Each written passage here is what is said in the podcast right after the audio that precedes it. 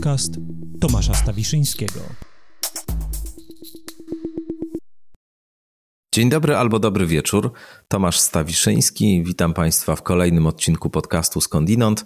I na początku tradycyjnie już bardzo dziękuję wszystkim tym z Państwa, którzy zdecydowali się w różny sposób wyrazić swoje wsparcie i entuzjazm dla tego przedsięwzięcia. W szczególności dziękuję tym wszystkim z Państwa, którzy zdecydowali się na subskrypcję albo dotację, już to za pośrednictwem mojej strony internetowej www.stawiszynski.org, już to za pośrednictwem profilu podcastu Skądinąd na platformie Patronite. Przypomnę adres www.patronite.pl łamane na skadinat, czyli nazwa podcastu bez polskich znaków.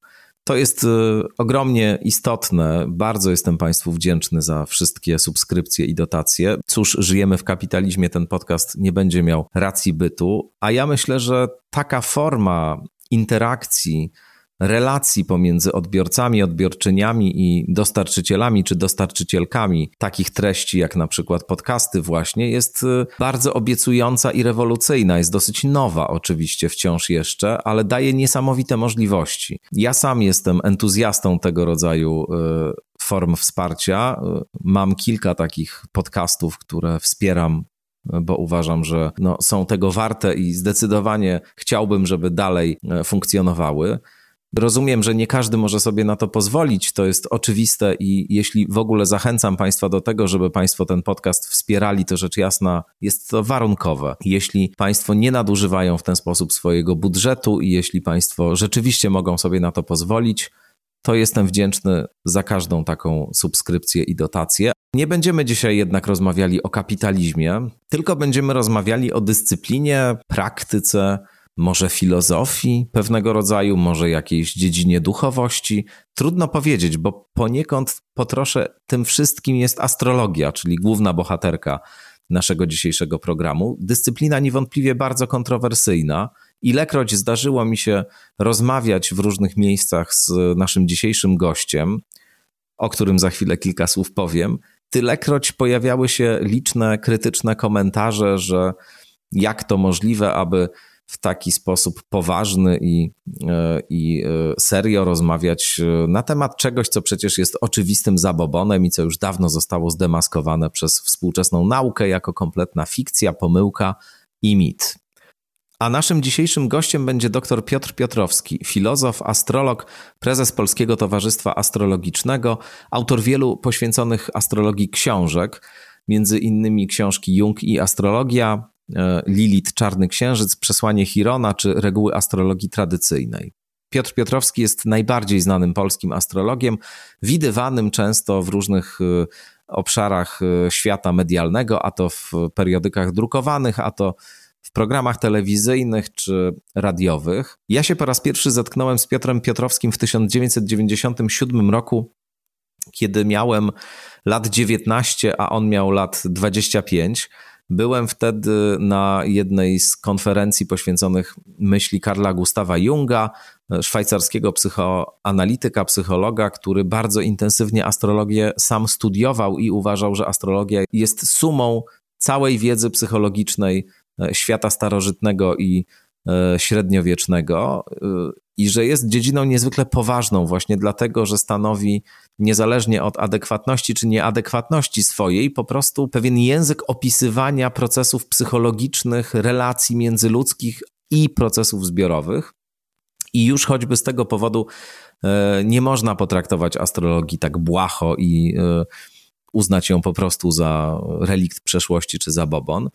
No bo skarbnica tej wiedzy psychologicznej w samej astrologii, w różnych typologiach, które w astrologii funkcjonują, jest ogromna. No więc y, tam się właśnie zetknąłem z Piotrem Piotrowskim. On wtedy opowiadał o e, symbolice planetoidy Chiron, o symbolice astrologicznej i o symbolice psychologicznej, odwołując się właśnie do myśli Karla Gustawa Junga, którego obaj żeśmy wtedy intensywnie czytali i bardzo, e, bardzo przejmowaliśmy się tym wszystkim, co mówi. Przynajmniej ja się wtedy bardzo przejmowałem.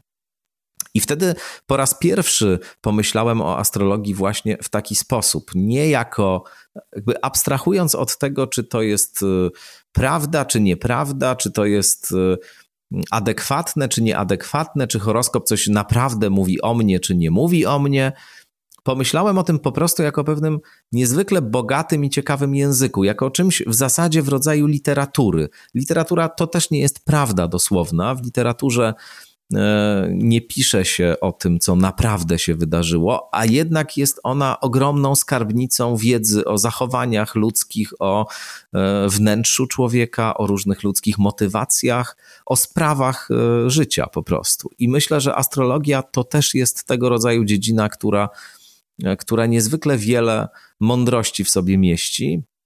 No, ale oczywiście została też sprowadzona także przez same praktykujące astrologię osoby do takiego często taniego wróżbiarstwa opartego na a, mm, prognozach y, na podstawie znaków zodiaku, które no, są w ogóle bardzo taką niewielką częścią całego bogatego świata astrologii. W każdym razie do takiego spojrzenia na astrologię Państwa tutaj zachęcam. Nikogo tutaj nie przekonujemy i w ogóle abstrahujemy od tego, czy to działa, czy nie działa. Ja ani nie jako entuzjasta, ani nie jako sceptyk się w tej rozmowie pozycjonuję. Moje poglądy e, dotyczące e, tego, czy to jest adekwatne, czy nieadekwatne, pozostawiam dla siebie. Natomiast e, próbujemy pokazać, no właśnie, to bogactwo, które w astrologii jest, to bogactwo psychologiczne.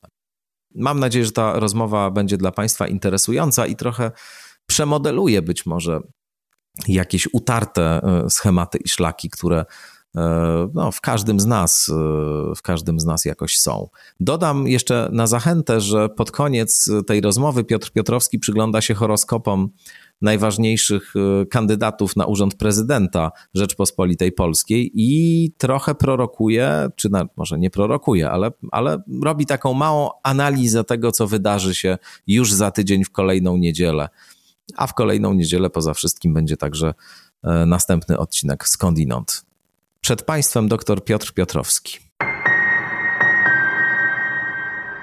Doktor Piotr Piotrowski jest Państwa i moim gościem w kolejnym odcinku podcastu Skądinąd. Dzień dobry, Piotrze. Dzień dobry. Już Cię rozlegle przedstawiałem we wstępie do tego programu, więc tylko tak dla porządku powtórzę, że jesteś astrologiem, doktorem filozofii, autorem wielu książek, no i przewodniczącym Polskiego Towarzystwa Astrologicznego. Powiedz może na początku, czy ty masz wrażenie, że zajmujesz się sprawami bardzo kontrowersyjnymi i że zajmujesz się dziedziną kontrowersyjną?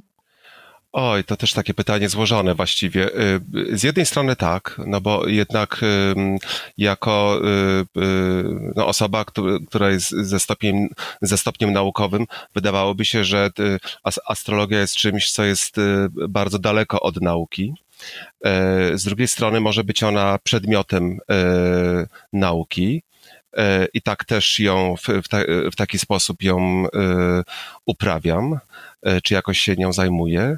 Natomiast y, ja nie spotkałem się nigdy z jakimś takim ostracyzmem, zarówno ze środowiska jakoś naukowego, y, nawet bym powiedział, że z, z, jakimś takim pewnym zainteresowaniem, czy z jakimś takim y, czymś takim intrygującym właściwie.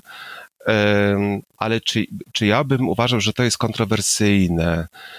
Tak dla ciebie, wiesz, jak, mhm. jak ty sobie sam myślisz o tym, czym się zajmujesz, to czy to postrzegasz jako dyscyplinę kontrowersyjną, czy, czy nie? Czy już jakby dawno temu uporałeś się z tymi wszystkimi e, wątpliwościami, zarzutami, które wobec astrologii e, są kierowane? To wiesz, zależy od poziomu pewnie takiego emocjonalnego. To znaczy, jeżeli w, e, ja mam takie, ta, takie odczucie, że zajmuję się czymś ciekawym, że to rzeczywiście i jestem wdzięczny losowi, że w ogóle to, gdzieś ta astrologia w, w którymś momencie mojego życia stanęła na drodze mojej i że mogłem się temu jakoś e, poświęcić, oddać, zgłębić, bo to jest nieprawdopodobna jakaś skarbnica wiedzy o nas samych, o naszej, o naszej e, psychiczności i w ogóle jakimś e, jestestwie.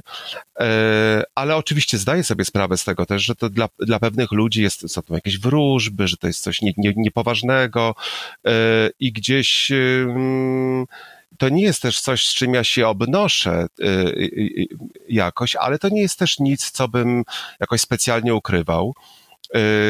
Więc myślę, że tam na jakimś etapie swojego życia się z tym, się z tym uporałem, to znaczy w takim, w, tak, w takim znaczeniu uporałem, że po prostu astrologia to jest dziedzina wiedzy, na której trzeba się znać, jeżeli miałbym z kimkolwiek jakoś o tym polemizować. Także raczej mam to dominujące uczucie to jest e, chyba jednak e, to, że, że to jest niesłychanie ciekawa dziedzina. To jest taka dziedzina, której postanowiłeś poświęcić swoje życie, więc e, trzeba powiedzieć, bo jesteś astrologiem na pełen etat. Użyję takiego, takiego określenia. Zajmujesz się tym od wielu, wielu lat, piszesz książki, przewodniczysz Towarzystwu Astrologicznemu E, przyjmujesz e, klientów. E, co takiego właściwie? Już trochę o tym powiedziałeś, co cię w astrologii jakoś szczególnie interesuje, czy, czy co uważasz za najbardziej wartościowe, ale, ale co właściwie zdecydowało, że wybrałeś astrologię jako swój zawód, swoją drogę życiową? To jest też bardzo ciekawe, bo ja nigdy nie planowałem być e, astrologiem i e, nigdy nie myślałem, że e, będę się astrologią zajmował w, takim szerokim spektrum. To znaczy, że zarówno autor książek, czyli jakaś taka część moja taka dydaktyczna, też dydaktyczna w sensie wykładów, z drugiej strony no też spisywania jakby wiedzy i, i dzielenia się nią, bo te moje książki, one, ja nie mam w swoim dorobku takiej książki, która, by, która byłaby takim wprowadzeniem do astrologii. Może to i źle, ale raczej to źle. są już takie, takie, takie ukierunkowane. Ja bym chętnie przeczytał. No, no, właśnie, no i tak, e, ale one są takie ukierunkowane na jakieś takie bardzo wyspecjalizowane e, tematy, które są e, no, rzeczywiście kierowane do, do osób, które w, no, nie grają w warcaby, tylko już w szachy, powiedzmy. Czyli to są gdzieś jakby takie tak, tak ukierunkowane, wyspecjalizowane. Ale za, za, zacząłeś publikować książki bardzo wcześnie na ten temat, bo powiedziałeś przed chwilą, że nie planowałeś właściwie, żeby tak profesjonalnie astrologią się zajmować, ale myśmy się poznali w 1997 roku podczas e, takiej konferencji poświęconej myśli Karla Gustawa Junga, który zresztą sam był, e, sam był e, miłośnikiem astrologii i astrologią się posługiwał w swojej praktyce psychologicznej, o czym pewnie za moment tak. powiemy, ale y, ty byłeś jednym z wykładowców y, wówczas. Y, no, byłeś człowiekiem 25-letnim, dobrze liczę wtedy, w 97 roku, więc raczej dosyć młodym, można powiedzieć, właśnie na początku na początku jakiejś poważnej życiowej drogi i już miałeś na koncie książkę astrologiczną Przesłanie Chirona się ta książka nazywała, tak. o planetoidzie Chiron i jej, e, jej interpretacjach astrologicznych. O tym właśnie także traktował Twój wykład podczas tej konferencji, zresztą pasjonujący. E, no więc to już na dosyć wczesnym etapie chyba ta astrologia stała się takim, no właśnie, Twoim stała się twoją drogą życiową, chyba tak mogę Trochę powiedzieć. Trochę tak, to znaczy ja tak myślę sobie, taką motywacją do napisania tej książki, to jednak y, to było coś takiego, że, że ja chciałem o tym przeczytać po polsku i byłem jakiś taki y, zdumiony, bo to był rok faktycznie 97, ja książki pisałem rok wcześniej, y, czyli to gdzieś mniej więcej połowa lat 90. Ten rynek wydawniczy się otwierał, ale jeszcze no, mnóstwo brakowało literatury i jednak musimy też tutaj zaznaczyć, że w, ta polska literatura astrologiczna, polskojęzyczna, ona była szalenie uboga, no bo to właściwie była tylko Mandala Życia Leszka Weresa y, i Rafała Brinke plus y, Homo Zodiacus, gdzieś tam jak, w jakichś dziwnych obiegach Leszek To też Leszka Weresa książka. Mhm. Tak, i, i, i jakby ta literatura taka astrologiczna, wyspecjalizowana, nie mówię jakieś tam charakterystyki znaków zodiaku, tylko coś ta, takiego, co byłoby na pewnym e, jakby takim wyższym poziomie wtajemniczenia, to tego nie było. Pomyślałam sobie, że skoro mam na ten temat jakąś wiedzę i też mnóstwo rzeczy e, czytałem i chciałam się tym jakoś podzielić, w związku z tym też i też miałem jakieś takie doświadczenie, powiedzmy tutaj w tym, w, w takiej pracy jakby z tym z tym, z tym Chironem i chciałem po prostu na ten temat napisać książkę i to była rzeczywiście pierwsza książka na, na, na ten temat i jak na razie ostatnia. I po dwudziestu paru latach też było wznowienie, nowe wydanie, ja trochę tam zmieniłem, tak odświeżyłem tą książkę, także, ale to w dalszym ciągu jest taki tekst, który rzeczywiście jakoś z tym nikt nie, nie chciał konkurować. Ale, ale to mimo wszystko jeszcze wtedy też nie miałem takiego po, poczucia, że tu oto teraz wstępuję na jakąś drogę wielce astrologiczną, tylko po prostu to mnie interesowało i chciałem to jakoś przelać na, na papier i zapełnić jakąś taką lukę. A powiedz, jak to właściwie wobec tego, cofnijmy się jeszcze trochę dalej e, niż do 97 roku i do tej pierwszej książki. Właściwie w którym momencie życia ty się zetknąłeś z astrologią i jak to zetknięcie wyglądało? Hmm to pewnie jako na, nastolatek się zetknąłem wtedy w latach 80., kiedy się ukazała Mandala Życia i w, przeglądałem tam te różne wykresy, jakieś to było takie dla mnie y, właśnie ciekawe, jakieś takie niezwykłe, nie za wiele wtedy z tego rozumiałem. Mm. I Potem to odłożyłem, bo mi się wydawało, że to jest jednak e, za trudne, e, przynajmniej na takie zgłębianie tego w pojedynkę, że tu jednak by się przydał jakiś e, przewodnik. I potem gdzieś ten przewodnik się taki znalazł. Jakoś tak jak miałem około 20 lat, tak jakoś to był taki też dla mnie trudny czas y, i emocjonalnie, i taki, w, no to takie wejście w dorastanie, w, w taką trochę dorosłość. Y, e, było jednak, to, temu towarzyszyły różne pytania, wątpliwości, no właśnie takie chyba, tak jak sobie to młodzi ludzie w tym, w tym wieku zadają, kim się jest, kim jestem.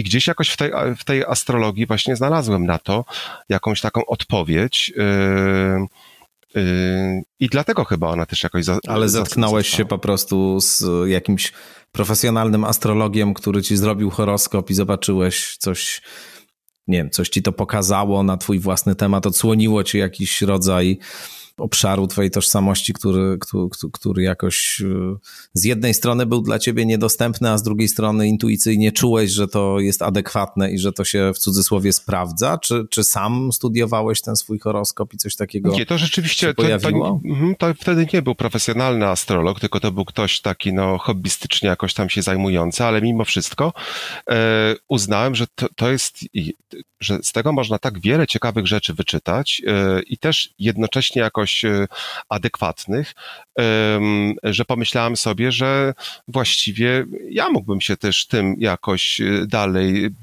zająć, w sensie zgłębić, jakoś do, dotrzeć też do pewnej literatury, żeby jakoś poszerzyć swoją wiedzę, że skoro na tym etapie takim e, jednak po, powierzchownej, jakby takiego, takiego powierzchownego zetknięcia z, z tą wiedzą, już to otworzyło mi jakieś niesłychane y, okna, wrota y, y, do samego siebie, czy też jakoś tam do rozumienia pe, pe, pewnych rzeczy w sobie, które to nie jest proces oczywiście skończony. Na tamtym etapie mi się wydawało, że to już jest, że to jest coś, że tu Pana Boga za nogi złapałem. Że to jest wszystko. Że to jest tak, że to jest wszystko i ewentualnie jeszcze coś tamten i już będzie skończone, skończony jakiś, skoń, skończona budowla. E, ale im bardziej w las się wchodziło, tym bardziej to się odkrywało i, i, i mm, się odsłaniało jak takie właśnie jakieś zasłony. I to było też ten proces jakby zdobywania tego, tego wszystkiego i ten zachwyt właściwie też nad ludzką inwencją, że coś takiego w ogóle mogło y, y, jako pewna idea intelektualna zaistnieć. I co więcej, no potem jak też zająłem się historią astrologii, e, też troszkę do mojego doktoratu i do innych e, takich studiów już własnych, no to, to, to jeszcze się inny tutaj uchylił taki korytarz właściwie transmisji wiedzy i tego, jak ta astrologia się stykała i z religią, i z nauką, i z, no właśnie tak, z taką szeroko rozumianą historią i idei. Więc to jeszcze wpasowało się, się też w mój potem taki nurt tych zainteresowań y, filozoficznych. I to tak jakoś razem wszystko, wszystko poszło. A miałeś takie momenty, kiedy jacyś ludzie mówili ci, słuchaj, no przecież to są kompletne bzdury, to jest nieprawda, to jest zabobon. Już dawno astrologia została zdemaskowana jako pomyłka, jako nieadekwatny system, który może jest ciekawy do czytania, ale nic o świecie realnie nie mówi. Miałeś takie sytuacje? Raczej nikt bezpośrednio mi tego nie mówił, to raczej mm. się z tym spotykałem w literaturze, e, czy, czy gdzieś tam w jakichś, e, w jakichś tekstach, e, nawet na łamach kiedyś Nieznanego Świata polemizowałem z, jakimś z jednym z autorów, który próbował udowodnić, że mamy 13 znaków, a nie 12, że to w ogóle właśnie jest jakiś tam zabobon, bo tam się coś tam poprzesuwało, w związku z tym to w ogóle jest unieważnione, że astronomia unieważniła astrologię. Ale bezpośrednio, może ja też unikam takich polemik, bo wydaje mm. mi się, że jednak, y, żeby rozmawiać na tym, czy to ma sens, czy nie ma, no to jednak ten rozmówca musiałby być jakoś przygotowany. Hmm. A sam miewałeś takie momenty, y, no, załóżmy w tej początkowej fazie, trzymajmy się chronologii w tej naszej tak. rozmowie, przynajmniej przez jakiś czas. Czy w tej pierwszej fazie sam miewałeś jakieś momenty, nie wiem, zwątpienia, e, uznania, że może w tych krytycznych głosach coś jest, może rzeczywiście to jest jakaś ślepa uliczka, może e, to mit, a nie, a nie coś, co jakkolwiek świat opisuje. Miewałeś takie momenty? To prędzej teraz miał, miałbym takie momenty, ale to nie Aha. tylko w odniesieniu do astrologii, tylko jakoś w ogóle w, w odniesieniu do, do, różnych swoich przekonań e, e, takich i że być może astrologia też jest jedną z takich e, form e, jakiejś e, ucieczki, czy chowania się za jakąś zasłoną, e, czy jakimś takim wytworem intelektualno-matematycznym, jakąś formą interpretacji, ale ostatecznie y, no to Jung zawsze tu wychodzi z pomocą, no bo ta każda inwencja ludzkiego ducha, y, czy ludzkiej jakiejś kreatywności, no ostatecznie mówi o naszej duszy. Więc y, czy to jest prawda, czy fałsz, w sensie, czy to jest zmyślone, czy niezmyślone, czy, czy zmyślone, czy prawdziwe, ostatecznie cały świat może być jakąś ułudą, może mm. być mają, prawda, jak to, jak to mamy w hinduizmie. Ale ja rozumiem, że ty pytasz też o coś takiego, czy ja miałem jakiś kryzys taki związany tak. z takim y, zwątpieniem w astrologię jako pewnego rodzaju drogowskaz albo y, jakąś taką mapę, powiedzmy, samopoznania. Takiego jakby gruntownego, jakiegoś głębokiego kryzysu nigdy nie miałem. E, nigdy. Może dlatego, że nigdy mnie astrologia aż tak głęboko nie zawiodła. I nawet mm. jeżeli były takie momenty, kiedy mnie ona jakoś zawodziła, e, to zawsze myśl, myślałam sobie o tym, że jeszcze być może czegoś nie wiem. A czy ona cię zawodziła w odniesieniu do Twojego własnego życia, do jakichś sytuacji, które E, sam e, w życiu miałeś, czy na przykład zawodziła cię raczej w odniesieniu do osób, które korzystały z twoich, e, z twoich usług? Raczej, które korzystały, znaczy, to, to, w takim znaczeniu zawodziła, że w, coś zinterpretowałem komuś, y, nie biorąc pod uwagę czegoś bardzo y, y, oczywistego, jak na przykład gdzieś tam tranzytował Mars z Uranem w czwartym domu, i w, co można oczywiście, bo tu się poruszamy jednak w, w, w, takim języku symboli, co można ezoterycznym, rozumieć. Ezoterycznym. To, co powiedziałeś, jest zrozumiałe właściwie wyłącznie dla osób, które jakiś kontakt z astrologią pogłębiony już mają za sobą, ale no nie szkodzi. Ja cię zachęcam do tego, żebyś e, używał tego, e, tego języka w tej rozmowie, jakoś dając takie elementarne e, objaśnienia co do, co do tak. niektórych sytuacji, nazw, zjawisk i tak dalej. Mówię o czymś takim, że no, takie złączenie planet w Marsa wojowniczego i dewastującego Urana na samym dole horoskopu, który symbolizuje między innymi, między innymi nieruchomości, że jakoś taka oczywista rzecz, że to to też może znaczyć pożar domu. Mhm. E, I w, w, tym momencie mi tego, mi to nie przyszło do głowy. Więc, e, a przecież to, to na jakimś poziomie interpretacji byłoby to bardzo oczywiste, ale z drugiej strony mówić o tym e, ka każdemu, kto ma jakiś podobny układ w horoskopie w danym momencie, że będzie miał pożar domu, no to ostatecznie te pożary aż tak często się nie zdarzają. Więc tylko, że tutaj chodzi o pewną taką specyfikę jakby przejawiania się tych, tych układów, powiedzmy, kos y, kosmicznych na takim po poziomie nieraz wręcz absolutnie y, dosłownym. E, I to mnie nieraz zastanawia, że y, mamy tutaj z jednej strony taką, takie bardzo szerokie spektrum znaczeniowe, y, gdzie dany układ planet może się przejawić, no właśnie tak bardzo dosłownie i wprost, a nieraz ten sam układ się może przejawić w jakiś sposób zupełnie metaforyczny, bo to może dotyczyć czegoś zupełnie, zupełnie innego, bardziej, o wiele bardziej nieuchwytnego, czy, czy jakiego jakiegoś e, subtelnego. I tutaj astrolog właściwie nie ma do końca narzędzi, które by mu podpowiedziały, którą drogę e, interpretacji wybrać. I to jest wtedy takie dryfowanie trochę po takim grząskim gruncie. A twoje interpretacje poza takimi sytuacjami, kiedy czegoś nie dostrzeżesz, załóżmy, czy kiedy czegoś nie uwzględnisz, się zawsze sprawdzają? Moje interpretacje, kiedy czegoś e, jeszcze raz poza musisz... takimi Poza takimi sytuacjami, no bo podałeś taką sytuację, mówimy cały czas o tych momentach, kiedy yy, cię zawodziła astrologia, yy, kiedy miałeś jakieś wątpliwości co do, co do tej dyscypliny. No więc yy, zadałem pytanie, czy poza takimi sytuacjami, jaką, jakie wskazałeś, czy jakich przykład wskazałeś w postaci jakiegoś twojego, nazwijmy to, niedopatrzenia, czy nieuwzględnienia pewnej możliwej e, interpretacji. Czy były jakieś takie sytuacje, kiedy uwzględniłeś wszystkie czynniki, a zarazem twoja interpretacja okazywała się nieprawdziwa? To znaczy, innymi słowy, pytam o to, czy były takie sytuacje, kiedy naprawdę zawodziła astrologia, a nie ty?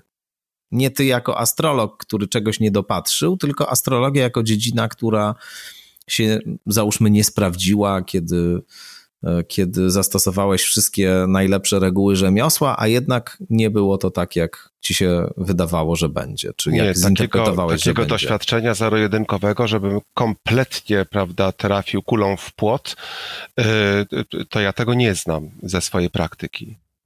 Wręcz odwrotnie, znaczy by, by, by, e, raczej mam takie odczucia, że w, to, co to jak ja mówię teraz o, pra, o pracy z klientami, yy, yy, to, co się jakby wyłania na, na sesji, to nawet dla mnie samego niekiedy jest zaskakujące, że może być tak niesłychana właśnie trafność, czy jakiś rodzaj takiej adekwatności do przeżyć y, y, tej osoby, z którą rozmawiam. Natomiast być może w jakichś politycznych prognozach gdzieś y, publikowanych nie zawsze można tak stuprocentowo jakoś oszacować szanse, nie wiem, wyborcze kogoś. Tyle tylko, że tutaj my też, y, to by trzeba wziąć poprawkę na, na to, że jednak te horoskopy polityków, y, y, zwłaszcza polskich, one są niedokładne, bo my tak naprawdę nie wiemy skąd te godziny są wzięte, no to ktoś tam gdzieś podaje i tak się jakoś to przyjmuje, więc tak bym to raczej widział ale w takiej pracy z, jakby z osobą, z klientem, to czegoś takiego, że ja coś mówię i to zupełnie jest, e, ktoś mówi o kimś, że ktoś jest, nie wiem, nieśmiała, a ta osoba mówi, że absolutnie nie, bo jest bardzo pewna siebie, no to, no, no, to nie mam czegoś takiego. To właśnie to jest najbardziej też fascynujące w, astrologii, że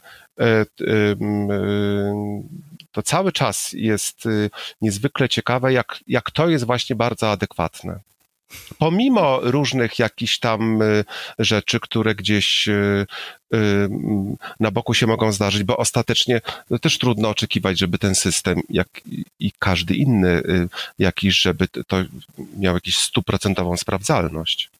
To dlaczego ta pozycja astrologii na arenie różnych dyscyplin wiedzy jest tak słaba? Dlaczego astrologia została wypchnięta kompletnie poza nawias poważnych praktyk, a stała się w kręgach oczywiście osób, które zajmują się nauką, ale też filozofią, które przyznają się do racjonalnego e, sposobu widzenia świata, bo o kwestii religijnych krytyk astrologii to, to może jeszcze przy okazji powiemy, a, a może to sobie zostawimy na jakąś inną okazję, bo, bo to jest jakby inna sprawa zupełnie i z innych przesłanek i pobudek e, różne, e, w szczególności chrześcijaństwo ale i inne religie czasem też ma do astrologii stosunek krytyczny, choć też przyznajmy e, uczciwie, że wielu papieży zajmowało się aktywnie astrologią, miało swoich astrologów, więc ta historia relacji między chrześcijaństwem a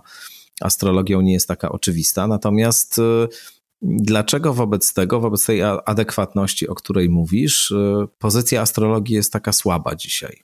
Nie mówię o pozycji, oczywiście, nie wiem, w takim obiegu wewnętrznym astrologicznym, czy pozycji w kulturze, czy popkulturze. Nawiasem mówiąc, badania socjologiczne pokazują ogromny w ostatnich latach wzrost zainteresowania astrologią, zwłaszcza w pokoleniu milenialsów astrologia stała się niezwykle niezwykle e, popularna. Istnieją także autorki i autorzy, którzy e, używają języka astrologicznego jako języka emancypacji, na przykład e, feministki, które publikują teksty inspirowane astrologią, jakieś osoby, które e, o kwestiach równouprawnienia, rozmaitych mniejszości e, walczą właśnie z użyciem astrologicznych narzędzi. To jest bardzo ciekawe także zjawisko, a, ale generalnie e, w tym obszarze, w którym mamy do czynienia z pewnymi praktykami zdobywania wiedzy o świecie, albo na przykład pomocy profesjonalnej osobom, które są w jakichś kryzysach czy kłopotach,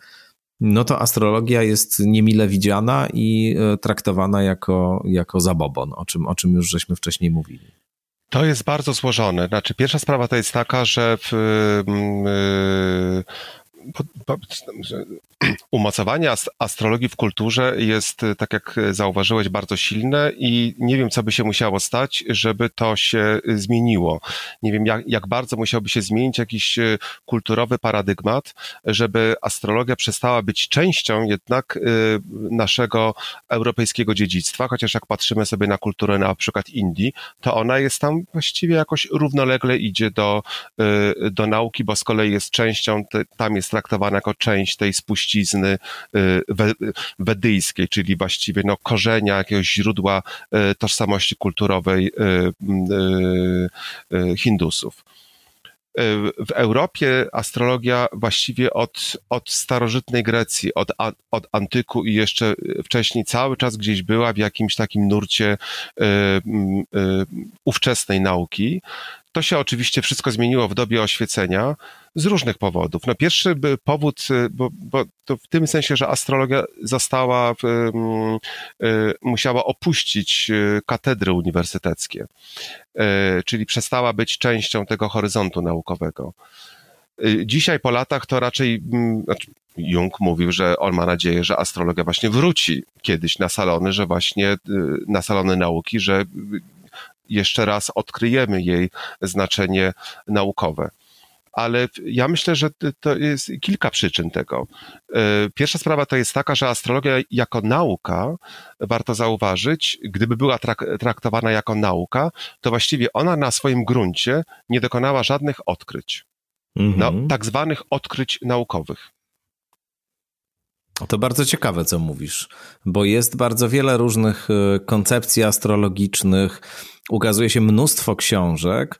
E, w XX wieku też sporo się zmieniło, jeśli chodzi o, za sprawą Junga między innymi właśnie, poprzez którego także i ja zetknąłem się po raz pierwszy na dobrą sprawę z astrologią i, i poprzez książkę, którą wspomniałeś, Mandala Życia Leszka Weresajra Faprinkego, którą kiedyś moja mama nabyła, mająca niebywałą intuicję do kupowania różnych ciekawych książek, to i do dzisiaj zostało, że potrafi wychwycić jakieś takie pozycje zupełnie nieoczywiste, a w PRL-u, kiedy tych książek wcale nie można było tak łatwo zdobyć, to była szczególnie dobra sztuka, mm, pożyteczna sztuka. No w każdym razie ona to, to gdzieś kupiła. No właśnie, mhm, przerwałem ci. E, tak, no, e, e, co innego, prawda, jakby wysyp literatury, artykułów, przecież astrologowie mają swoje, no właśnie, stowarzyszenia, mają swoje periodyki, półki, prawda, w księgarniach astrologiczne i tak dalej, więc można byłoby uznać, że to, to jest jakaś dziedzina, która do, dokonuje jakichś odkryć, tylko że nawet jeżeli to byłyby odkrycia, to one są, to, to są od, odkrycia no, tak, te, tego typu, jak, e, jakich do, dokonał Jung, czyli że zobaczył, że astrologia jest pe, pewną protopsychologią, że ona w jakiś sposób, e, no właśnie na gruncie języka symbolicznego próbowała, czy, czy jakoś wtedy i dzisiaj też e, próbuje opisać ludzką psychę, ludzką psychiczność.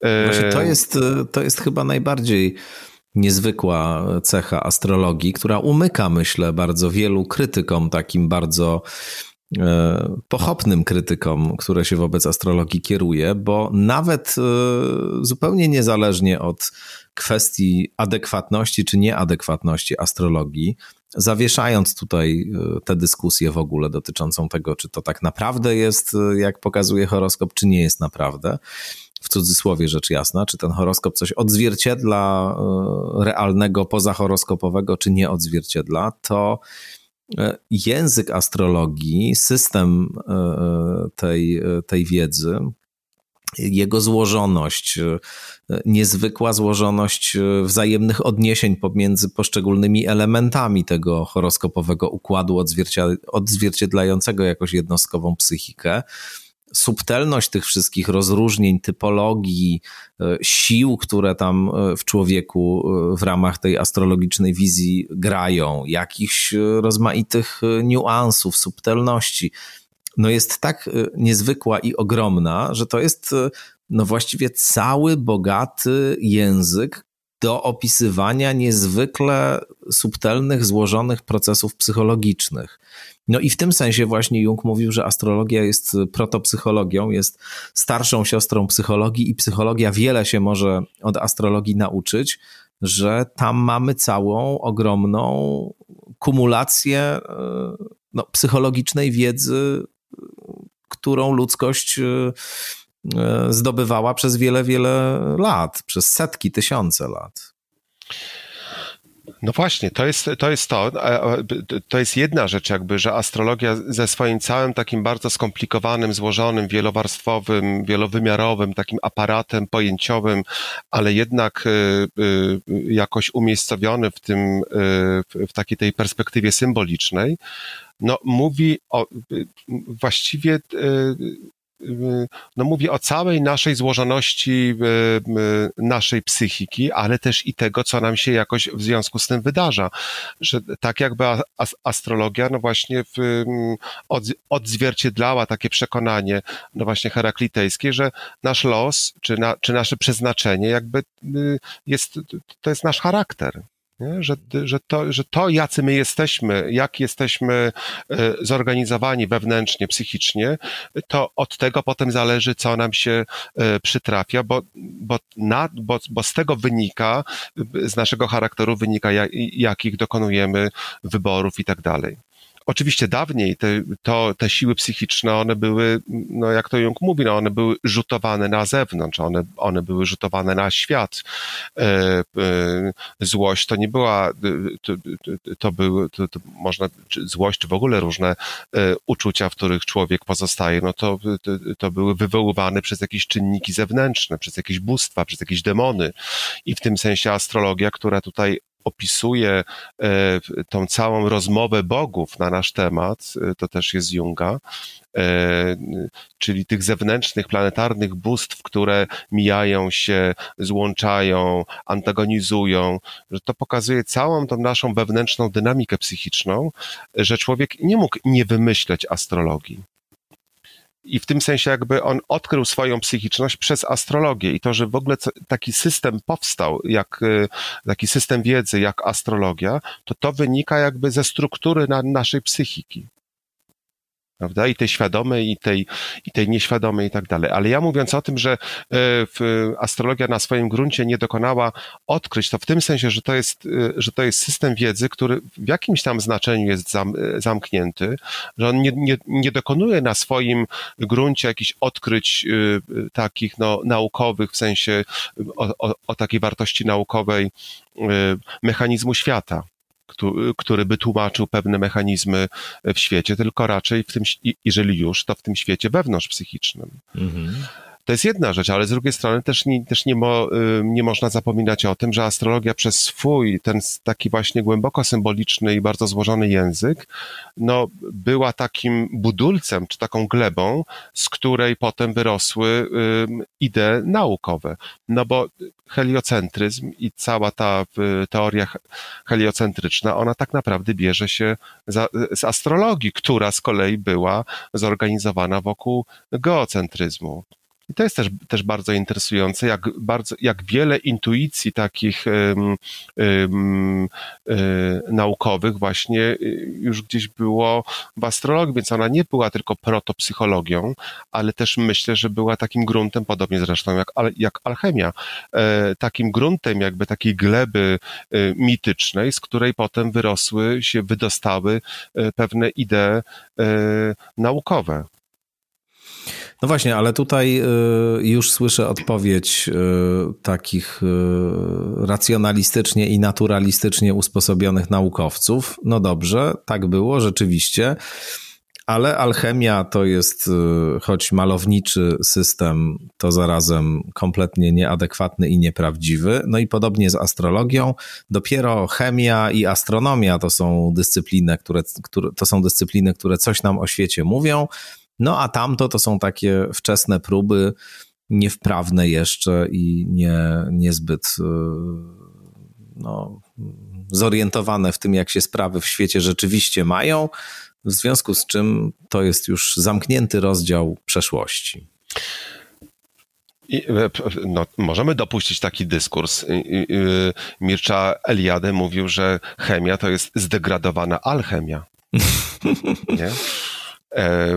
I, I pewnie tak samo można by powiedzieć, że astronomia jest jakąś zdegradowaną astrologią, chociaż akurat w przypadku y, tych takiej szeroko rozumianej nauki o, o gwiazdach, to jednak musimy zauważyć, że tu były te, te, te nurty, to co dzisiaj nazywamy astronomią i astrologią, że to jednak, jak widzimy tutaj zasad, zasadniczą różnicę, to dawniej to wszystko było razem, to znaczy była jakaś astrologia teoretyczna, czyli to raczej byśmy to nazwali, że to jest jakaś po prostu nauka o niebie.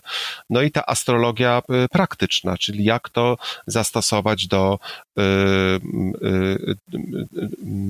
do tych praktyk jakby już astrologicznych i, i interpretacyjnych. To, że w ogóle się astronomia mogła rozwinąć, no to zawdzięczamy jakby temu zachwytowi na, naszemu i tej ludzkiej ciekawości temu zachwytowi nad niebem. No to właśnie astrologia była tą siłą, która napędzała rozwój też y, astronomii. Także to, to są takie, to, to, można by powiedzieć, że to są dwie strony tego samego medalu. Y, tyle tylko, że y, astrologia jest pewnym, jest pewną dziedziną wiedzy opartą na takim symboliczno-mitycznym wymiarze interpretowania świata. No właśnie, to jest bardzo ciekawe. Taki współczesny, e, znany bardzo e, astrolog z dużym dorobkiem, Robert Hunt, Amerykanin, Amerykanin mhm. autor też wielu książek e, poświęconych astrologii, mówi, że tak naprawdę nigdy nauka nie zweryfikowała negatywnie astrologii, tylko a priorycznie ją odrzuciła, że nie było takiego y, momentu, w którym rzeczywiście zaczęto się temu przyglądać i to skrupulatnie sprawdzać, tylko zmiany w obrazie świata, które nastąpiły tak mniej więcej od czasu y, oświecenia, to znaczy one w oświeceniu się rozpoczęły dosyć intensywnie z dużym przytupem, a później tylko się pogłębiały jeszcze, y, no tak kompletnie y, rozmontowały obraz rzeczywistości, y, z którego astrologia korzystała i który który w jakimś sensie umacniała i reprezentowała, że odrzucono ją po prostu jako relikt jakiegoś dawnego sposobu myślenia, natomiast nie zadano sobie trudu, żeby ją skrupulatnie sprawdzić. Ja nie wiem, czy to jest do końca prawda. To znaczy, wyobrażam sobie, że przeprowadzenie jakichś rozległych badań statystycznych na temat adekwatności astrologii E, to jest duże przedsięwzięcie i chyba tylko e, jeden człowiek się tego realnie podjął, dwudziestowieczny francuski statystyk Michel Gauquelin, który, mhm. który, którego książka Planety, a czy wpływ planet na życie człowieka, czy planety, a rozwój człowieka e, także po polsku się kiedyś tam ukazała.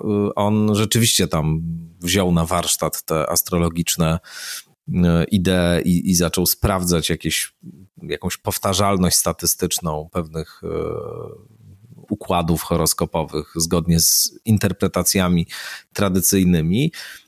Ale no ileś tam też takich różnych eksperymentów, które miały na celu pokazać, że, że astrologia jest nieadekwatna nie, nie, nie adekwatna, czy nieprawdziwa, też rzeczywiście e, było. Nie wiem, czy w reżimie takim, jak to Robert Hunt by sobie wyobrażał, ale powiedz, czy ty znasz jakieś takie rzeczywiście eksperymentalne badania, które prowadzono i które, które wykazały nieadekwatność astrologii, czy, czy, czy Robert Hent ma, ma rację? Ja rzeczywiście się z tym nie spotkałem, bo y, żeby ktokolwiek robił jakieś badania, y, y, które miałyby na celu udowodnić, że astrologia jest jakimś, nie wiem, konstruktem fikcyjnym, chyba się nauka w ogóle tym nie zajmuje, żeby nauka się, się zajmuje chyba tym, żeby udowodnić coś, co, co, co jest, a nie udowodnić coś, czego nie ma.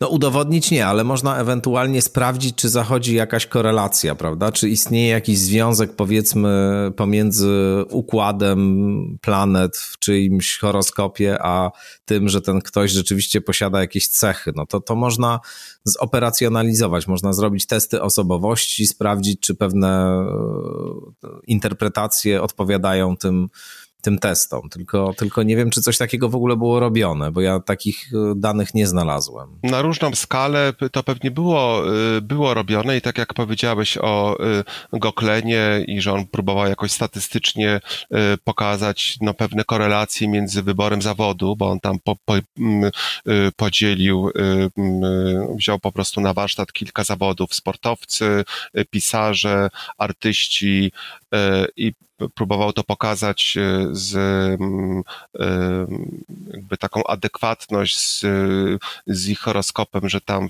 w pewnych sektorach horoskopu wtedy jest planeta, którą tradycyjnie jakoś wiążemy właśnie z tego typu aktywnością. Ale y, to jest w ogóle mm, y, bardzo złożona sprawa. Ja sam uczestniczyłem w różnych y, badaniach naukowych, kiedy byłem albo recenzentem, albo takim konsultantem przy różnych pracach y, magisterskich y, studentów psychologii, którzy próbowali pokazać właśnie jakieś takie korelacje pomiędzy wiedzą psychologiczną, a, a powiedzmy tą wiedzą astrologiczną. I ta korelacja, ona zawsze była taka, nie można było o niej powiedzieć, że ona jest przypadkowa, ale też nie można było o niej powiedzieć, że jest, y, y, że jest ponadprzypadkowa. To jest gdzieś mhm. to tak, gdzieś to tak mm, dryfuje y, na granicy właśnie jakiegoś, że nie można tego wprost powiedzieć, nie, to, to nie ma tutaj, mm, że to jest w ogóle nieadekwatne, że taki prosty wniosek z tego, no coś jest, ale właściwie bardzo trudno to na gruncie y, tego paradygmatu naukowego, który dzisiaj obowiązuje, bardzo trudno jest to udowodnić. Dlaczego tak jest właściwie, Twoim zdaniem? Skoro zarazem no, mówisz o tym swoim powtarzającym się, trwającym już bardzo długo doświadczeniu adekwatności, zaskakującej niekiedy bo my tutaj byśmy potrzebowali, bo wtedy by, by trzeba astrologię spro, sprowadzić do takiego systemu znaków i jakiejś takiej jednoznaczności, że jeżeli A to B, a z tego B wynika C. Koniec kropka. I jest jakiś przepis na to, który to reguluje, taką po powtarzalność y, astrologiczną. A tu się okazuje, że to jest bardziej rozmyte, że to jest względne, że to, to A, no dobrze, to A, ale to, to zależy od jakiegoś A', B' i tak dalej. I ta cała siatka właśnie niezwykle skomplikowana sprawia, że bardzo trudno jest z tego całego kontekstu wydobyć jakiś jeden element, y, który, y, który można byłoby badać takimi metodami ilościowymi tu jest to. To można jakoś mm. opisać mm. właśnie, jakoś, no, ale nawet jak, jak, się robi badania psychologiczne e, i potem się, po, się to porównuje z, e, z horoskopem, to jednak e, mm, na te badania psychologiczne, one, czy znaczy ta empiria jakby psychologiczna, ona często wynika, zależy pewnie jeszcze oczywiście od badania, ale w, o tym, co sam pacjent mówi o sobie, rozwiązując róż, różne testy, potem z tego wynika jakiś, powiedzmy, jego, jego rys osobowości. I jak to potem patrzymy do horoskopu, no to się okazuje, ten horoskop jednak jest, on jakby pretenduje do czegoś, co jest obiektywne. Tymczasem wy, wypowiedzi pacjenta, te psychologiczne, one są subiektywne.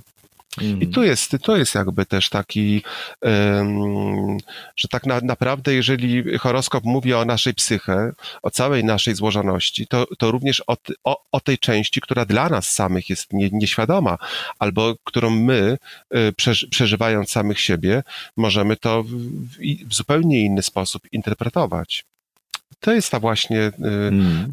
złożoność jakby tego, że astrologia ba bardzo trudno poddaje się y, y, naukowym, naukowemu udowodnieniu czy jakimś dowodzeniu. Tutaj pojawił się już ten wątek, ale, ale teraz jakoś go podejmę bezpośrednio, bo, bo on jest w jakimś sensie też kluczowy chyba dla tego, o czym rozmawiamy. Robert Hent mówił o obrazie świata, który się zmienił w pewnym momencie i y, przestał, y, czy astrologia przestała się wpisywać w ten nowy obraz świata. No i ona rzeczywiście się weń nie wpisuje. To znaczy, myślę, że można w jakimś sensie uznawać albo ten obraz, który wyłania się ze współczesnej nauki, z współczesnych nauk fizycznych, empirycznych, albo e, ten obraz świata, który wyłania się z astrologii, bo mamy do czynienia dzisiaj z oczywiście potężną ekspansją i rozwojem takich dziedzin jak fizyka, biologia, chemia, e, astronomia. I one wszystkie, także w jakimś stopniu te nauki, które, które obejmują jakąś refleksję nad człowiekiem, jak neuronauki, e, psychologia empiryczna i tak dalej, one pokazują rzeczywistość, która jest zupełnie inna niż rzeczywistość, która e, wyłania się z tradycji astrologicznej, bo pokazują świat, który jest światem materialnym. Oczywiście materia na swoich najbardziej takich e, odległych poziomach, mikro, e, zachowuje się już zupełnie inaczej i średnio spełnia te wszystkie opisy E, które funkcjonują na poziomie makro, ale oczywiście to jest jakiś problem, nad którym się tam pracuje i o którym, o którym naukowcy wiedzą, ale no, ten, ta rzeczywistość jest rzeczywistością materialną, w której nasza świadomość czy nasze doświadczanie siebie jest pochodną procesów materialnych, jest w szczególności pochodną aktywności neuronalnej naszych mózgów w którym to, co się wydarza, jest nieprzewidywalne, albo przewidywalne tylko w bardzo ograniczonym zakresie na podstawie analizy materialnej, pewnych związków przyczynowo-skutkowych, które są już w tym momencie do uchwycenia. To, co e, dzieje się poza planetą Ziemią, nie ma żadnego związku i żadnego wpływu na to, co dzieje się na planecie Ziemi, poza ewidentnymi wpływami i oddziaływaniami fizycznymi.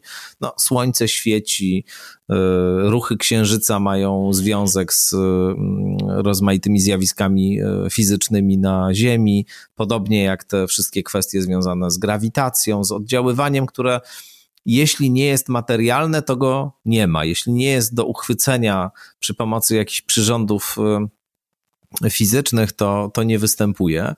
No a tego rodzaju oddziaływania, czy tego rodzaju korelacje, jakie wskazuje astrologia, jakie, jakie definiuje astrologia, no już zupełnie się nie mieszczą w tym, jak w ogóle mogłyby wyglądać relacje pomiędzy światem planet a tym, co dzieje się na Ziemi. No więc rzeczywiście jest tak, że te obrazy świata są kompletnie odmienne, bo jednak obraz świata właniający się z astrologii to jest obraz mm, rzeczywistości jakoś integralnej, w której każdy element y, ma jakieś znaczenie, w której planety są czymś na kształt takiego czy ten obieg planet ponad nami jest czymś na kształt takiego ekranu, na którym my oglądamy w ujęciu symbolicznym, ale jednocześnie jakoś właśnie zdefiniowanym przez procesy czysto materialne i matematycznie policzalne. Oglądamy nasze życie, możemy zaglądać trochę w przyszłość, ale i możemy zaglądać w przeszłość, sprawdzać, co się działo kiedyś, ale i co będzie się działo, i w tym sensie robić jakiś rodzaj prognoz pogody dotyczących naszego doświadczenia i naszego życia. No i, i ta łączność pomiędzy tymi dwiema sferami czy dwoma wymiarami jest bardzo ścisła, głęboka i odzwierciedlona w pewnych układach symbolicznych.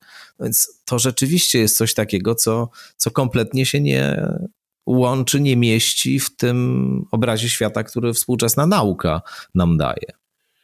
To prawda, tylko no, no, to tak dokładnie jest. To znaczy, że jednak y, astrologia, ona opisuje świat, y, ale w jakimś języku, który jest bardzo da daleki od języka, y, no w szczególności współczesnej nauki. Aczkolwiek tutaj my musimy też y, zobaczyć te wszystkie intuicje, które w, w astrologii, która, które są zawarte w astrologii, bo nawet jeżeli mówimy o czymś takim, że nie ma takiego no, fizycznego oddziaływania pomiędzy planetami a Ziemią, że jakie tu siły mają stać za tym, że jeżeli Mars się ustawi tam w kwadraturze do czegoś, y, to to będzie y, czymś takim, a, a nie innym skutkowało ale my tutaj, y, astrologia stoi jakby na takim, znaczy astrologia postrzega świat, czy też jest ufundowana na takiej wizji świata, y, takiego unus mundus, takiego, tak, jedności świata, gdzie panuje jakiś taki rodzaj, też oczywiście y, jakoś filozoficznie uargumentowanej koncepcji sympatii albo wielkiego łańcucha bytu. No i to są jakieś ciągi takie znaczeniowe. To nie są ciągi, y, które jedno wynika z drugiego, tylko to są ciągi znaczeniowe.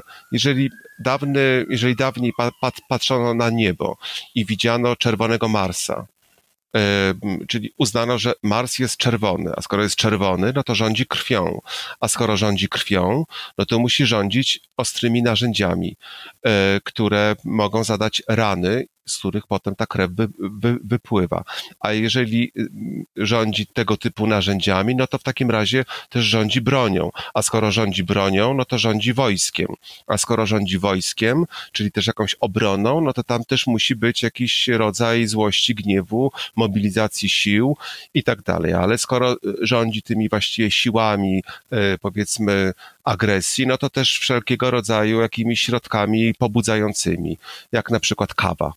No i, mhm. i, by, cała ta, cały ten ciąg znaczeniowy, który wpisuje się w jakiś taki obraz jedności świata, no to jest na jakimś poziomie e, takim e, symbolicznym, żeby przejść od, od planety Marsa do kawy. No ale tu jakiś związek jest. Oczy, oczywiście bardzo trudno ten związek udowodnić y, y, y, jakimiś siłami, które to wiążą. To są po no. prostu. No, no tak, to znaczy ten, ten oczywiście porządek symboliczno-metaforyczny, który wyraziłeś, przechodząc przez te kolejne poziomy znaczeniowe, jest klarowny i jasno uchwytny. Największy problem jest z tym ciałem niebieskim, które krąży i które wygląda jakby było czerwone, co oczywiście jest niebagatelne w odniesieniu do tych wszystkich jakości, o których powiedziałeś. E, natomiast e, które z perspektywy dzisiejszej naszej wiedzy o świecie jest po prostu bryłą materii, która wedle praw fizycznych gdzieś tam się porusza w potężnej odległości od nas, No i na jakiej zasadzie to, gdzie ona, to w jaki sposób ona jest widoczna z Ziemi, no bo wspominaliśmy już o tym, ale to warto też podkreślić, że horoskop jest taką mapą nieba, ale rysowaną z punktu widzenia Ziemi, z perspektywy geocentrycznej, więc y, odzwierciedla no po prostu położenie planet na niebie, jakbyśmy na to niebo patrzyli w momencie, y, na który stawiamy horoskop, z tego miejsca, y, na, który, na którego stawiamy, czyli tam, gdzie się ktoś urodził, o której godzinie, jakby popatrzył na niebo przy pomocy specjalnego urządzenia, no to by właśnie tak rozmieszczone te te planety zobaczył, y, jak później to jest y, w formie uproszczonej matematycznie, oczywiście wyliczonej i, i takiej rysunkowej przedstawione w horoskopie. No więc na jakiej zasadzie akurat to, gdzie jest widoczna ta planeta z Ziemi w tym momencie, no ma właśnie czynić ją ogniwem w tym łańcuchu, o którym e, mówiłeś e, wcześniej, bo, bo to jest z tej dzisiejszej naszej perspektywy najsłabsze ogniwo w tym łańcuchu. No, bo z pewnej perspektywy możemy powiedzieć, że to jest absurdalne, prawda? Żeby, żeby doszukiwać się związku, no właśnie pomiędzy tą kawą a tym Marsem. No jaki tam jest związek? No, no, no, no nawet, czy, nawet wzrost kawy, czy, czy jakieś, nie wiem, kwitnięcie i tak dalej nie jest zależne w ogóle od wschodów, zachodów Marsa i ale tutaj chodzi o taką wizję właśnie, mówiliśmy o tym e, unus mundus, czyli tej takiej, tej takiej jedności świata, e, gdzie wszystko jest ze sobą jakoś powiązane i co, i co, i co więcej, istnieje jakiś rodzaj homologii kosmicznej pomiędzy właśnie tym makroświatem, czyli tym światem planet, czyli tego makrokosmosu, a tym takim wymiarem tutaj tego mikrokosmosu, że to, to jedno gdzieś jest jakoś odzwierciedlane e, przez drugie, że niebo jest takim e, no, wyobrażeniem, powiedzmy, ale jednocześnie jest takim archetypem jakiegoś kosmicznego porządku. I na dobrą sprawę, y, z pewnego punktu widzenia, moglibyśmy uznać tą intuicję, właśnie, że to niebo jest tym archetypem kosmicznego porządku, za bardzo trafną, no bo my tak naprawdę składamy się dokładnie z tych samych pierwiastków, my jako nasze ciało, z których składają się gwiazdy. Mm tu nie ma, tu, tu, tu, tu, i w tym sensie jakoś jesteśmy częścią tego całego uniwersum. Z no tak, oczywiście, tu oczywiście. Hmm? Mhm. Z tego oczywiście nie musi wynikać, że astrologia jest jakąś uprawomocniona przez naukę i tak dalej, ale że my jesteśmy częścią jakiejś, e, e, no właśnie, spójnej, wielkiej e, całości i te intuicje astrologiczne, czy jakieś powiedzmy z tych takich szeroko rozumianych nurtów hermetycznych, które zakładały właśnie tą korespondencję, to one nie były wymyślone sobie, tylko one no, wynikały z jakiejś, z jakiejś właśnie być może struktury świata. A ta struktura świata, jak to już próbował udowodnić Jung, no z kolei jest powiązana z jakimś takim głębokim wymiarem tej nieświadomości psychoidalnej, tej takiej nieświadomości zbiorowej, która leży gdzieś powiedzmy u spodu całego świata, która or organizuje zarówno materię, jak i psychę. No właśnie, to, to jest ciekawe, bo, bo ten Jung się już tutaj parokrotnie nam pojawił. To był, to był y, człowiek, który, jak powiedzieliśmy, sam był astrologią zafascynowany i on tłumaczył astrologię, ale też y, I Ching na przykład, y, to taka starożytna chińska księga, która służy do praktyk dywinacyjnych, czy raczej może nawet nie tyle do dywinacyjnych, co do właśnie takich praktyk, które mają służyć e, zorientowaniu się w pewnej dynamice sił, która rządzi sytuacją, w jakiej w danym momencie znajduje się pytający. No więc Jung do, do rozumienia i, i zarówno I Chinga, jak i którego używał e, ochoczo, mhm. E, spędzał godziny stawiając sobie heksagramy, z, a pomocą łodyg krwawnika, bo to taka tradycyjna chińska sztuka wyroczni e, nakazywała, żeby właśnie z łodyg krwawnika korzystać.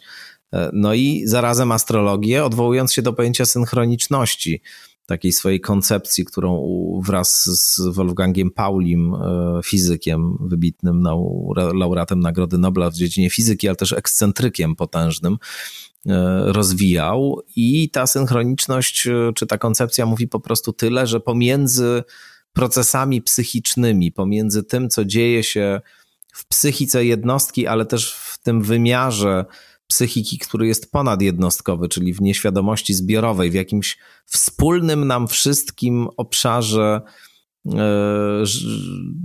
naszej podmiotowości, już może nawet właśnie nie naszej podmiotowości, tylko jakimś obszarze, w którym my wszyscy uczestniczymy, E, że, że procesy, które tam zachodzą, a które my odbieramy poprzez różne sny, skojarzenia, czy w ogóle nadawanie czemukolwiek znaczeń, poprzez jakieś symbole, znaczenia, które pojawiają się w naszej głowie, że pomiędzy tym obszarem naszego doświadczenia a rzeczywistością materialną istnieje pewnego rodzaju korelacja, odpowiedniość, że że te procesy materialne jakoś się w zaskakujący, dziwny i nieprzyczynowy sposób, czyli jedno z drugiego nie wynika, łączą z tym, co się dzieje w naszej psychice. No i powiadała astrologia tak właśnie działa, że że te planety, ruch planet y, w żaden sposób nie wpływa fizycznie na to, co się z nami dzieje, ani w żaden inny sposób nie wpływa.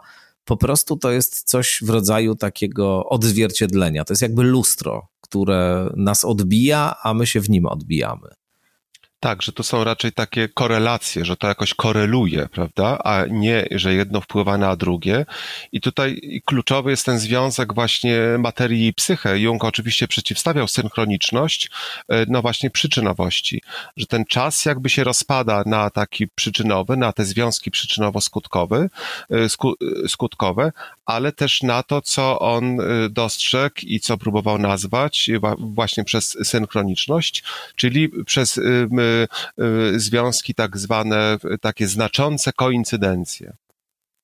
Nie? Na przykład myślę o kimś, kogo nie widziałem 20 lat i w ogóle o nim nie myślałem, ale nagle przychodzi mi on do głowy. Nie wiedzieć czemu coś mi się przypomina, i oto po pięciu minutach dzwoni do mnie ta osoba, albo spotykam jakąś osobę, która z tamtą była bardzo blisko związana, albo mam sen, że coś się wydarzy i później to się wydarza o takie koincydencje. Tak, tak. I tam nawet, o, oczywiście on tą synchroniczność też różnie, tam kilka jest takich jakby warstw y, jego rozumienia tej y, synchroniczności, bo tam jest i ta prekognicja i są takie serie powiedzmy jakichś zdarzeń, y, czy tak zwanych przypadków, które na, nam się przytrafiają, bo Jung też chciał pokazać, że e, w tych przypadkach, w tych tak zwanych przypadkach też nie ma niczego przypadkowego. Ale tak, tutaj chodzi o taki związek y, y, pokazujący, jak się materia łączy z psychą, że to są właśnie te dwie strony tego samego medalu. Co, co, co, co więcej, Jung y, właściwie mówisz tutaj o I Chingu, to go najbardziej zafascynowało, że tu jest ta korelacja pomiędzy umysłem, tym stanem psyche, a losowaniem tego tak zwanego heksagramu z, z tej księgi przemian. E, czyli z I Chinga, że to tutaj też zachodzą takie związki, ale też nie można zapominać, że Jung jakby wpadł na tą synchroniczność, studiując też dzieła astrologiczne, że tutaj on zobaczył pewien rodzaj e, jakby związku, to zwłaszcza mm, e, chodziło jemu o te następstwa pór, e, znaczy pór, no, epok właściwie całych jakby dziejów Europy przez epokę byka, epokę barana, epokę ryb, no i potem właśnie epokę wodnika, u progu której mamy się znajdować, a która to jest zapowiedziana jakoś też przez psychologię właśnie analityczną Junga. Tutaj Ale... możemy słuchaczy i słuchaczki odesłać do książki Aion tak. Karla Gustawa Junga, która jest y, próbą takiej psychologicznej interpretacji chrześcijaństwa y, i tego wszystkiego, co w głębokich procesach psychologicznych chrześcijaństwo ze sobą przynosi, y, takich procesach psychologicznych zbiorowych, ale, ale oczywiście mających silne związki z tym, e, co w każdej poszczególnej psychice jednostkowej się wydarza. I to jest książka, która w ogromnym stopniu jest poświęcona analizie symboliki astrologicznej e, związanej z chrześcijaństwem. E, z tym, że znowu właśnie, to trzeba jasno powiedzieć, Jung widzi analizę symboli astrologicznych jako coś, co jest pokrewne analizie psychologicznej, to znaczy co, co jest po prostu analizą psychologiczną prowadzoną trochę od innej strony.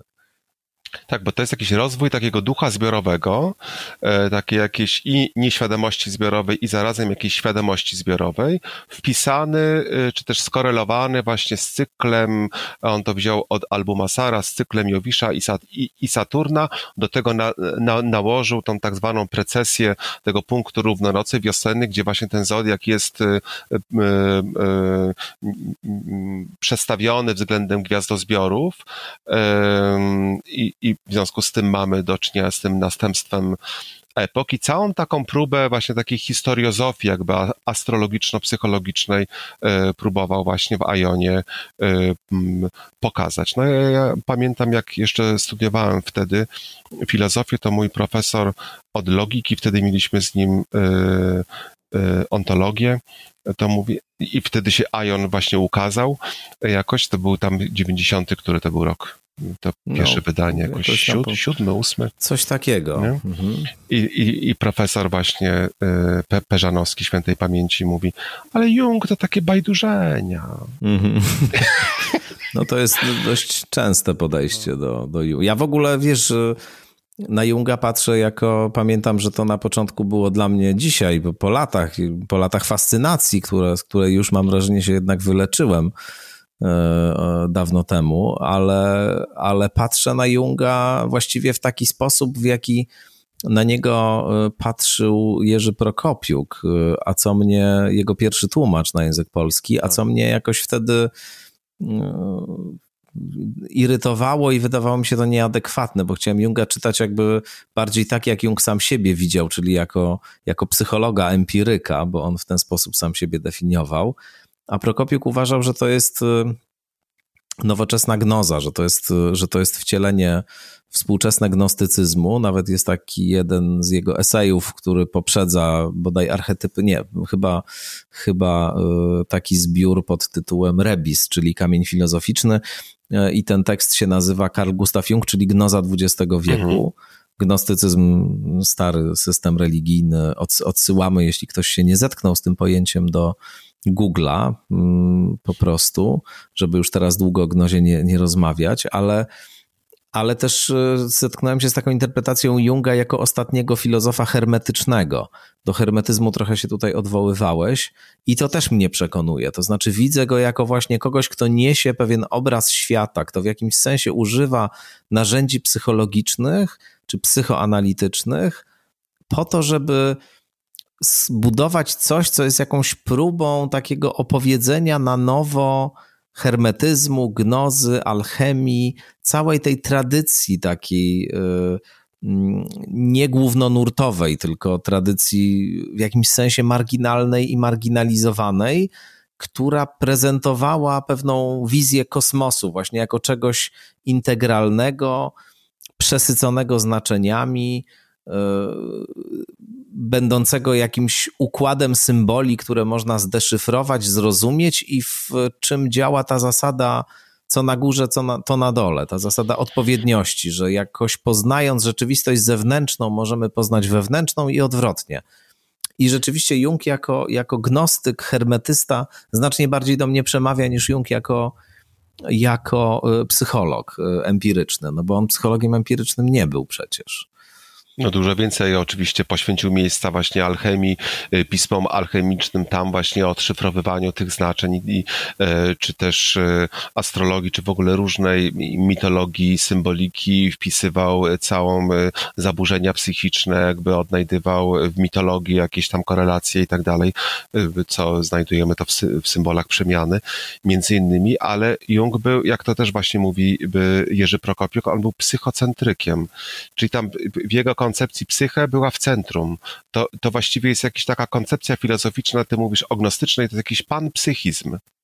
Mm-hmm. Jakiś taki wszechogarniający psychizm, tak. że, że tym, co konstytuuje nasz świat, to nie jest materia, mimo że to jest coś takiego bardzo namacalnego, tylko właśnie ta nasza psychiczność. E, I trudno, i to oczywiście, jak to udowodnić na jakimś gruncie empirycznym. On to próbował, no, między innymi właśnie pokazywać te związki pomiędzy materią i psychę, że to są jednak te dwie strony tego samego medalu, właśnie poprzez te tak zwane znaczące koincydencje, które znamy z życia e, takiego na, naszego zwykłego, potocznego.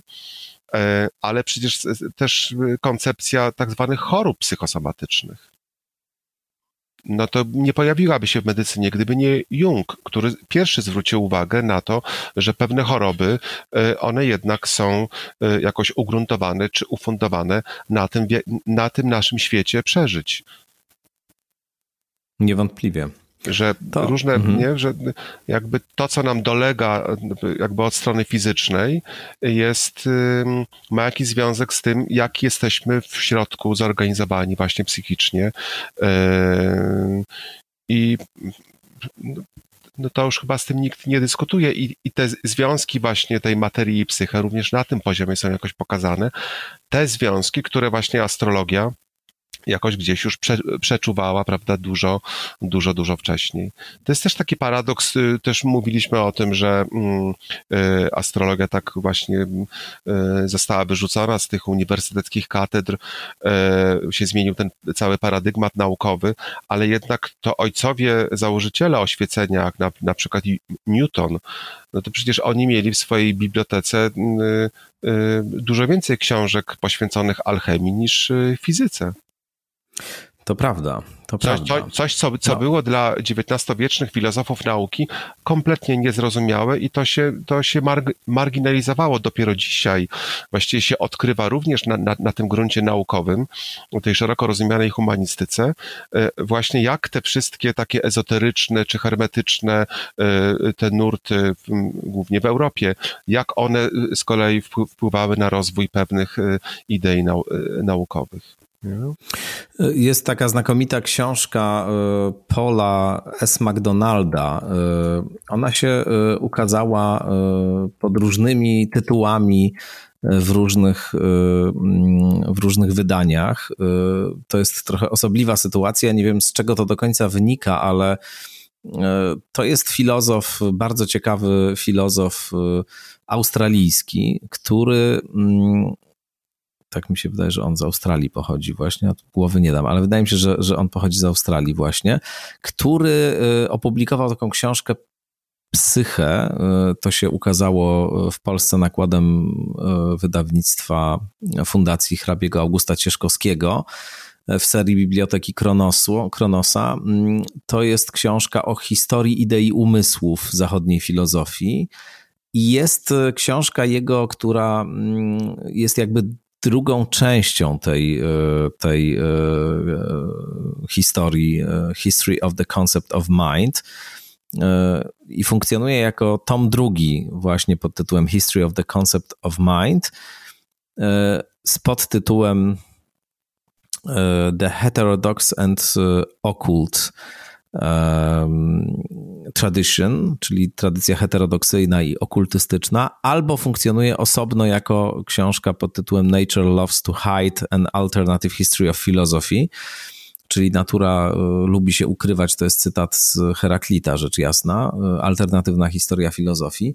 Można zakupić, e, niestety nie ma jej po polsku tej drugiej części, ale to jest książka, która właśnie opowiada o tej tradycji, o której tutaj rozmawiamy. Jest taką próbą nakreślenia e, historycznego całego tego zjawiska, e, tej alternatywnej, e, podziemnej, często funkcjonującej na marginesie tradycji duchowo-filozoficznej, okultystycznej, magicznej, hermetycznej, alchemicznej, która istniała w, przez całą historię, historię zachodu czy zachodniej kultury e, była na drugim planie zdecydowanie względem tej głównonurtowej, ale, ale była właśnie wciąż żywa i, i tutaj to, o czym mówimy, jest częścią tego, tego światopoglądu. Ale, ale myśmy zaczęli od takich konkretnych rzeczy dotyczących Twojej przygody z astrologią. Później zagłębiliśmy się w takie ogólne e, rozważania o charakterze filozoficznym, które są wszakże moim zdaniem no, pierwszej wagi i, i w ogóle jak się o tym mówi, to trzeba sięgnąć właśnie do tych kategorii, do tych pojęć, do, do tej historii, bo bez tego właściwie nie można zrozumieć, z czym się tak naprawdę ma do czynienia, kiedy się o astrologii mówi. A chciałbym, żebyśmy w tej ostatniej części naszej rozmowy trochę pomówili e, o tym, co się dzieje teraz dookoła nas e, e, i trochę się zajęli taką praktyką astrologiczną. Ty się nie od dzisiaj zajmujesz polityką polską i nie tylko polską, i się przyglądasz polskim politykom z perspektywy astrologicznej i temu wszystkiemu, co się tutaj dzieje, masz na koncie kilka bardzo trafnych przepowiedni, jedną dość mroczną, chyba trudną, dotyczącą katastrofy smoleńskiej. To było rzeczywiście coś mm, takiego niezwykłego, bo, bo napisałeś, zresztą sam u ciebie ten tekst na, zamawiałem, bo pracowałem wtedy w tygodniku Newsweek Polska i zawsze tak na początku roku zamawialiśmy u ciebie teksty e, z prognozą polityczną na to, co się, co się wydarzy. I rzeczywiście w sposób niezwykle trafny wskazałeś możliwość e, no, nie, nie, nie wystąpienia katastrofy lotniczej, ale jakiejś poważnej zmiany w życiu w życiu e, i w losie braci Kaczyńskich w tym momencie. To później kilka tabloidów podchwyciło tą twoją analizę. No ale też masz na koncie taką analizę, z której wynikało, że pierwszy PiS od władzy zostanie, że będą w każdym razie prawdopodobne wcześniejsze wybory i że PiS jednak władzę straci i wygra e, Platforma Obywatelska. To, to, to było bardzo. 2007. Tak, w 2007 roku, pamiętam ten twój tekst. No i właśnie, teraz może byśmy pomówili chwilę o, o tym, co za tydzień się wydarzy, czyli o wyborach prezydenckich. 28 czerwca te wybory będą. Sprawa jest y, już rozstrzygnięta dla ciebie? Zajrzałeś w niebo i wiesz, kto wygra? I, a może już na Nowogrodzkiej jest rozstrzygnięta, nie wiem. Tam na pewno. Tak. Jest to bardzo skomplikowane rzeczywiście, bo w, co tu dużo, prawda, nie ma co ukrywać jakby, że cała polityka e, ówczesnej władzy no, się kręci wokół jednej osoby i to, jak to jest wszystko zorganizowane, zależy trochę od horoskopu Jarosława Kaczyńskiego, który to horoskop jest bardzo mocno z kolei sprzężony z horoskopem PiSu, bo ja nie wiem, czy to ktoś e, to te horoskopy układał, mm, znaczy partii, ale tam jest e, jakby PiS i Jarosław Kaczyński to jest jedno.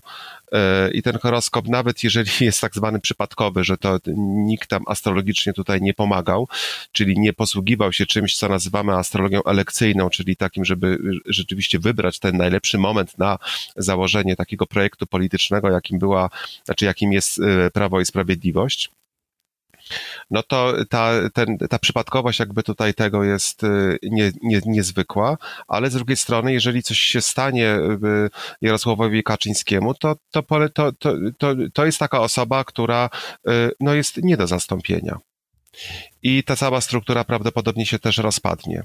W tym 2010 roku, kiedy właśnie mówiłem, że ten świat braci Kaczyńskich runie jak domek z kart i rzeczywiście ru, ru, ru, runął, chociaż y, to nie jest tak, że ja przewidziałem, że samolot prawda, spadnie pod Smoleńskiem. Um, to w, wtedy w horoskopie braci Ka, Ka, Kaczyńskich Uran tworzył y, tranzytujący Uran, ten taki dewastujący, właśnie ten rewolucyjny, y, ta siła powiedzmy psychiczna właśnie, która y, zmienia wszystko w sposób taki nieodwracalny a zarazem nagły, e, to tworzył kwadraturę do Słońca, czyli do takiego punktu w horoskopie, no, no właśnie do tego serca horoskopu. Dzisiaj mamy bardzo podobną sytuację w horoskopie Jarosława Kaczyńskiego, kiedy e, Uran tworzy koniunkcję do, ten dewastujący Uran właśnie tworzy koniunkcję do ascendentu z kolei. To jest taki punkt, e, to jest taki początek horoskopu, czyli też niezwykle ważny taki no, cały rusztowanie jakby horoskopu trzymające razem. I też chciałoby się po, po, mm, powiedzieć, że świat Jarosława Kaczyńskiego też runie jakoś tutaj. E, I nie sądzę, żeby Kiedy? to... W przyszłą niedzielę? Czy... Właśnie. No wiele wskazuje jednak chyba na, na to, że y, los y, y, prezydenta Dudy nie jest wcale przesądzony. To znaczy to, mm. się, to, się, to się tutaj wszystko może zmienić. Dosyć te notowania właśnie w, na przykład Rafała Trzaskowskiego, one też się jakoś wpisują w, w jego horoskop, przynajmniej w tej wersji, który jest jakoś tam nam znany, gdzie on z kolei jest jakoś tam skorelowany z horoskopem tak zwanego in, ingresu i tak dalej, więc mm, ma bardzo, bardzo duże szanse, ale jest taka sprawa, że te wybory odbywają się pomiędzy taką serią trzech zaćmień, e, księżyca, słońca i potem znowu księ, księ, księżyca, czyli też taki pokazuje taki raczej e, ponury czas, tylko pytanie, dla kogo byłby to czas ponury, czy dla Trzaskowskiego, czy, albo w ogóle ogólnie mówiąc dla opozycji, czy dla tej władzy rządzącej. I jednocześnie w dniu, w którym 28 czerwca y, pójdziemy do urn, Mars na pół roku wchodzi w znak y, barana, czyli ten Mars właśnie, ten wojowniczy, ten agresywny, waleczny, e, wchodzi w, do swojego znaku, znaczy do znaku, którym rządzi, więc będzie mógł się ukazać w takiej mm, e, pełnej mm, krasie i w pełnym takim spektrum.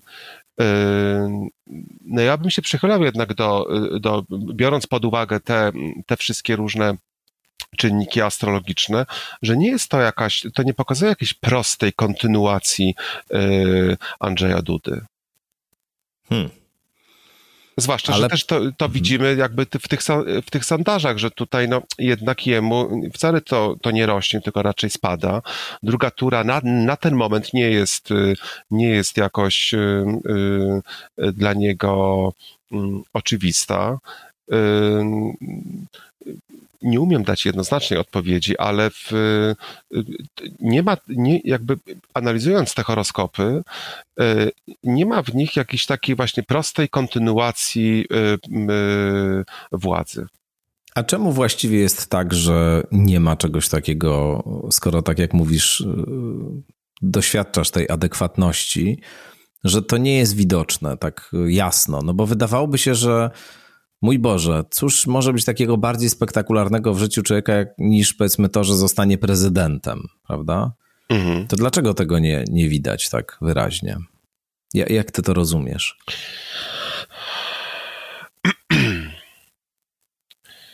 No bo to, to, jak widzimy, to też za, w astrologii jest taka w, y, hierarchia jakby też no, bytów, że tak powiem. To, to mówiliśmy o tym, o tym takim y, y, łańcuchu by, bytów. Y, akurat u Rafała Trzaskowskiego on jest w takim dobrym, w, do, do, w dobrej takiej, ma teraz taki dobry czas na zdobywanie władzy i to mu się zaczęło dokładnie wtedy, kiedy został prezydentem Warszawy.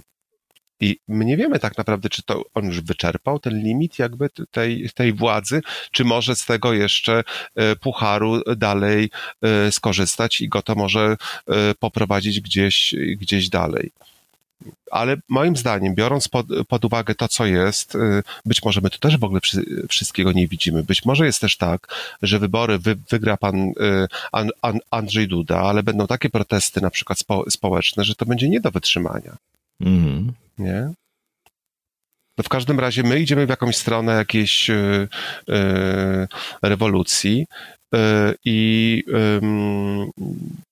nie ma takiego wskaźnika, który by mówił o takim bardzo prostym, łagodnym, normalnym jakby kontynuowaniu e, władzy. Jeżeli w 2010 roku świat braci Kaczyńskich e, runął jak domek z kart, no to teraz jest druga tego typu tak mocna odsłona dla e, tego urana w życiu Jarosława Kaczyńskiego. On Czyli już... w zasadzie to są jakieś sytuacje, które są analogiczne ten Smoleńsk tak. i to, co teraz się dzieje. Tak. To bardzo ciekawe. Tak. I zresztą to jest, to jest opinia moja jako astrologa, ale zdaje się, że to nie tylko tutaj na gruncie astrologicznym możemy e, te jakieś podobieństwa e, wychwycić. Bardzo dziękuję. Myśmy tu rozmawiali w każdym razie o astrologicznych sprawach. Bardzo Ci dziękuję, że na to wirtualne spotkanie znalazłeś czas. Bardzo dziękuję również. jeszcze o takiej rzeczy nie, nie, mhm. nie, nie, mówiliśmy, ale to może kiedyś faktycznie o, o związkach astrologii z Kościołem. Tam wspomnieliśmy o tym, prawda? Ty tak, to może wiesz, rzeczywiście to chyba się umówimy na osobną rozmowę. Jeszcze. Tak, tak. Taki, taki, taki wątek właśnie religijny. Bardzo dziękuję Tomku. To było dla mnie też, y, czuję się y, zaszczycony i wyróżniony. I e, Także z przyjemnością znalazłem czas na rozmowę z Tobą. Bardzo się cieszę. Państwa gościem w podcaście Skądinąd był dr Piotr Piotrowski, filozof, astrolog, autor wielu książek poświęconych astrologii, prezes Polskiego Towarzystwa Astrologicznego. No i wszystkiego dobrego życzę i do usłyszenia w podcaście Skądinąd za tydzień.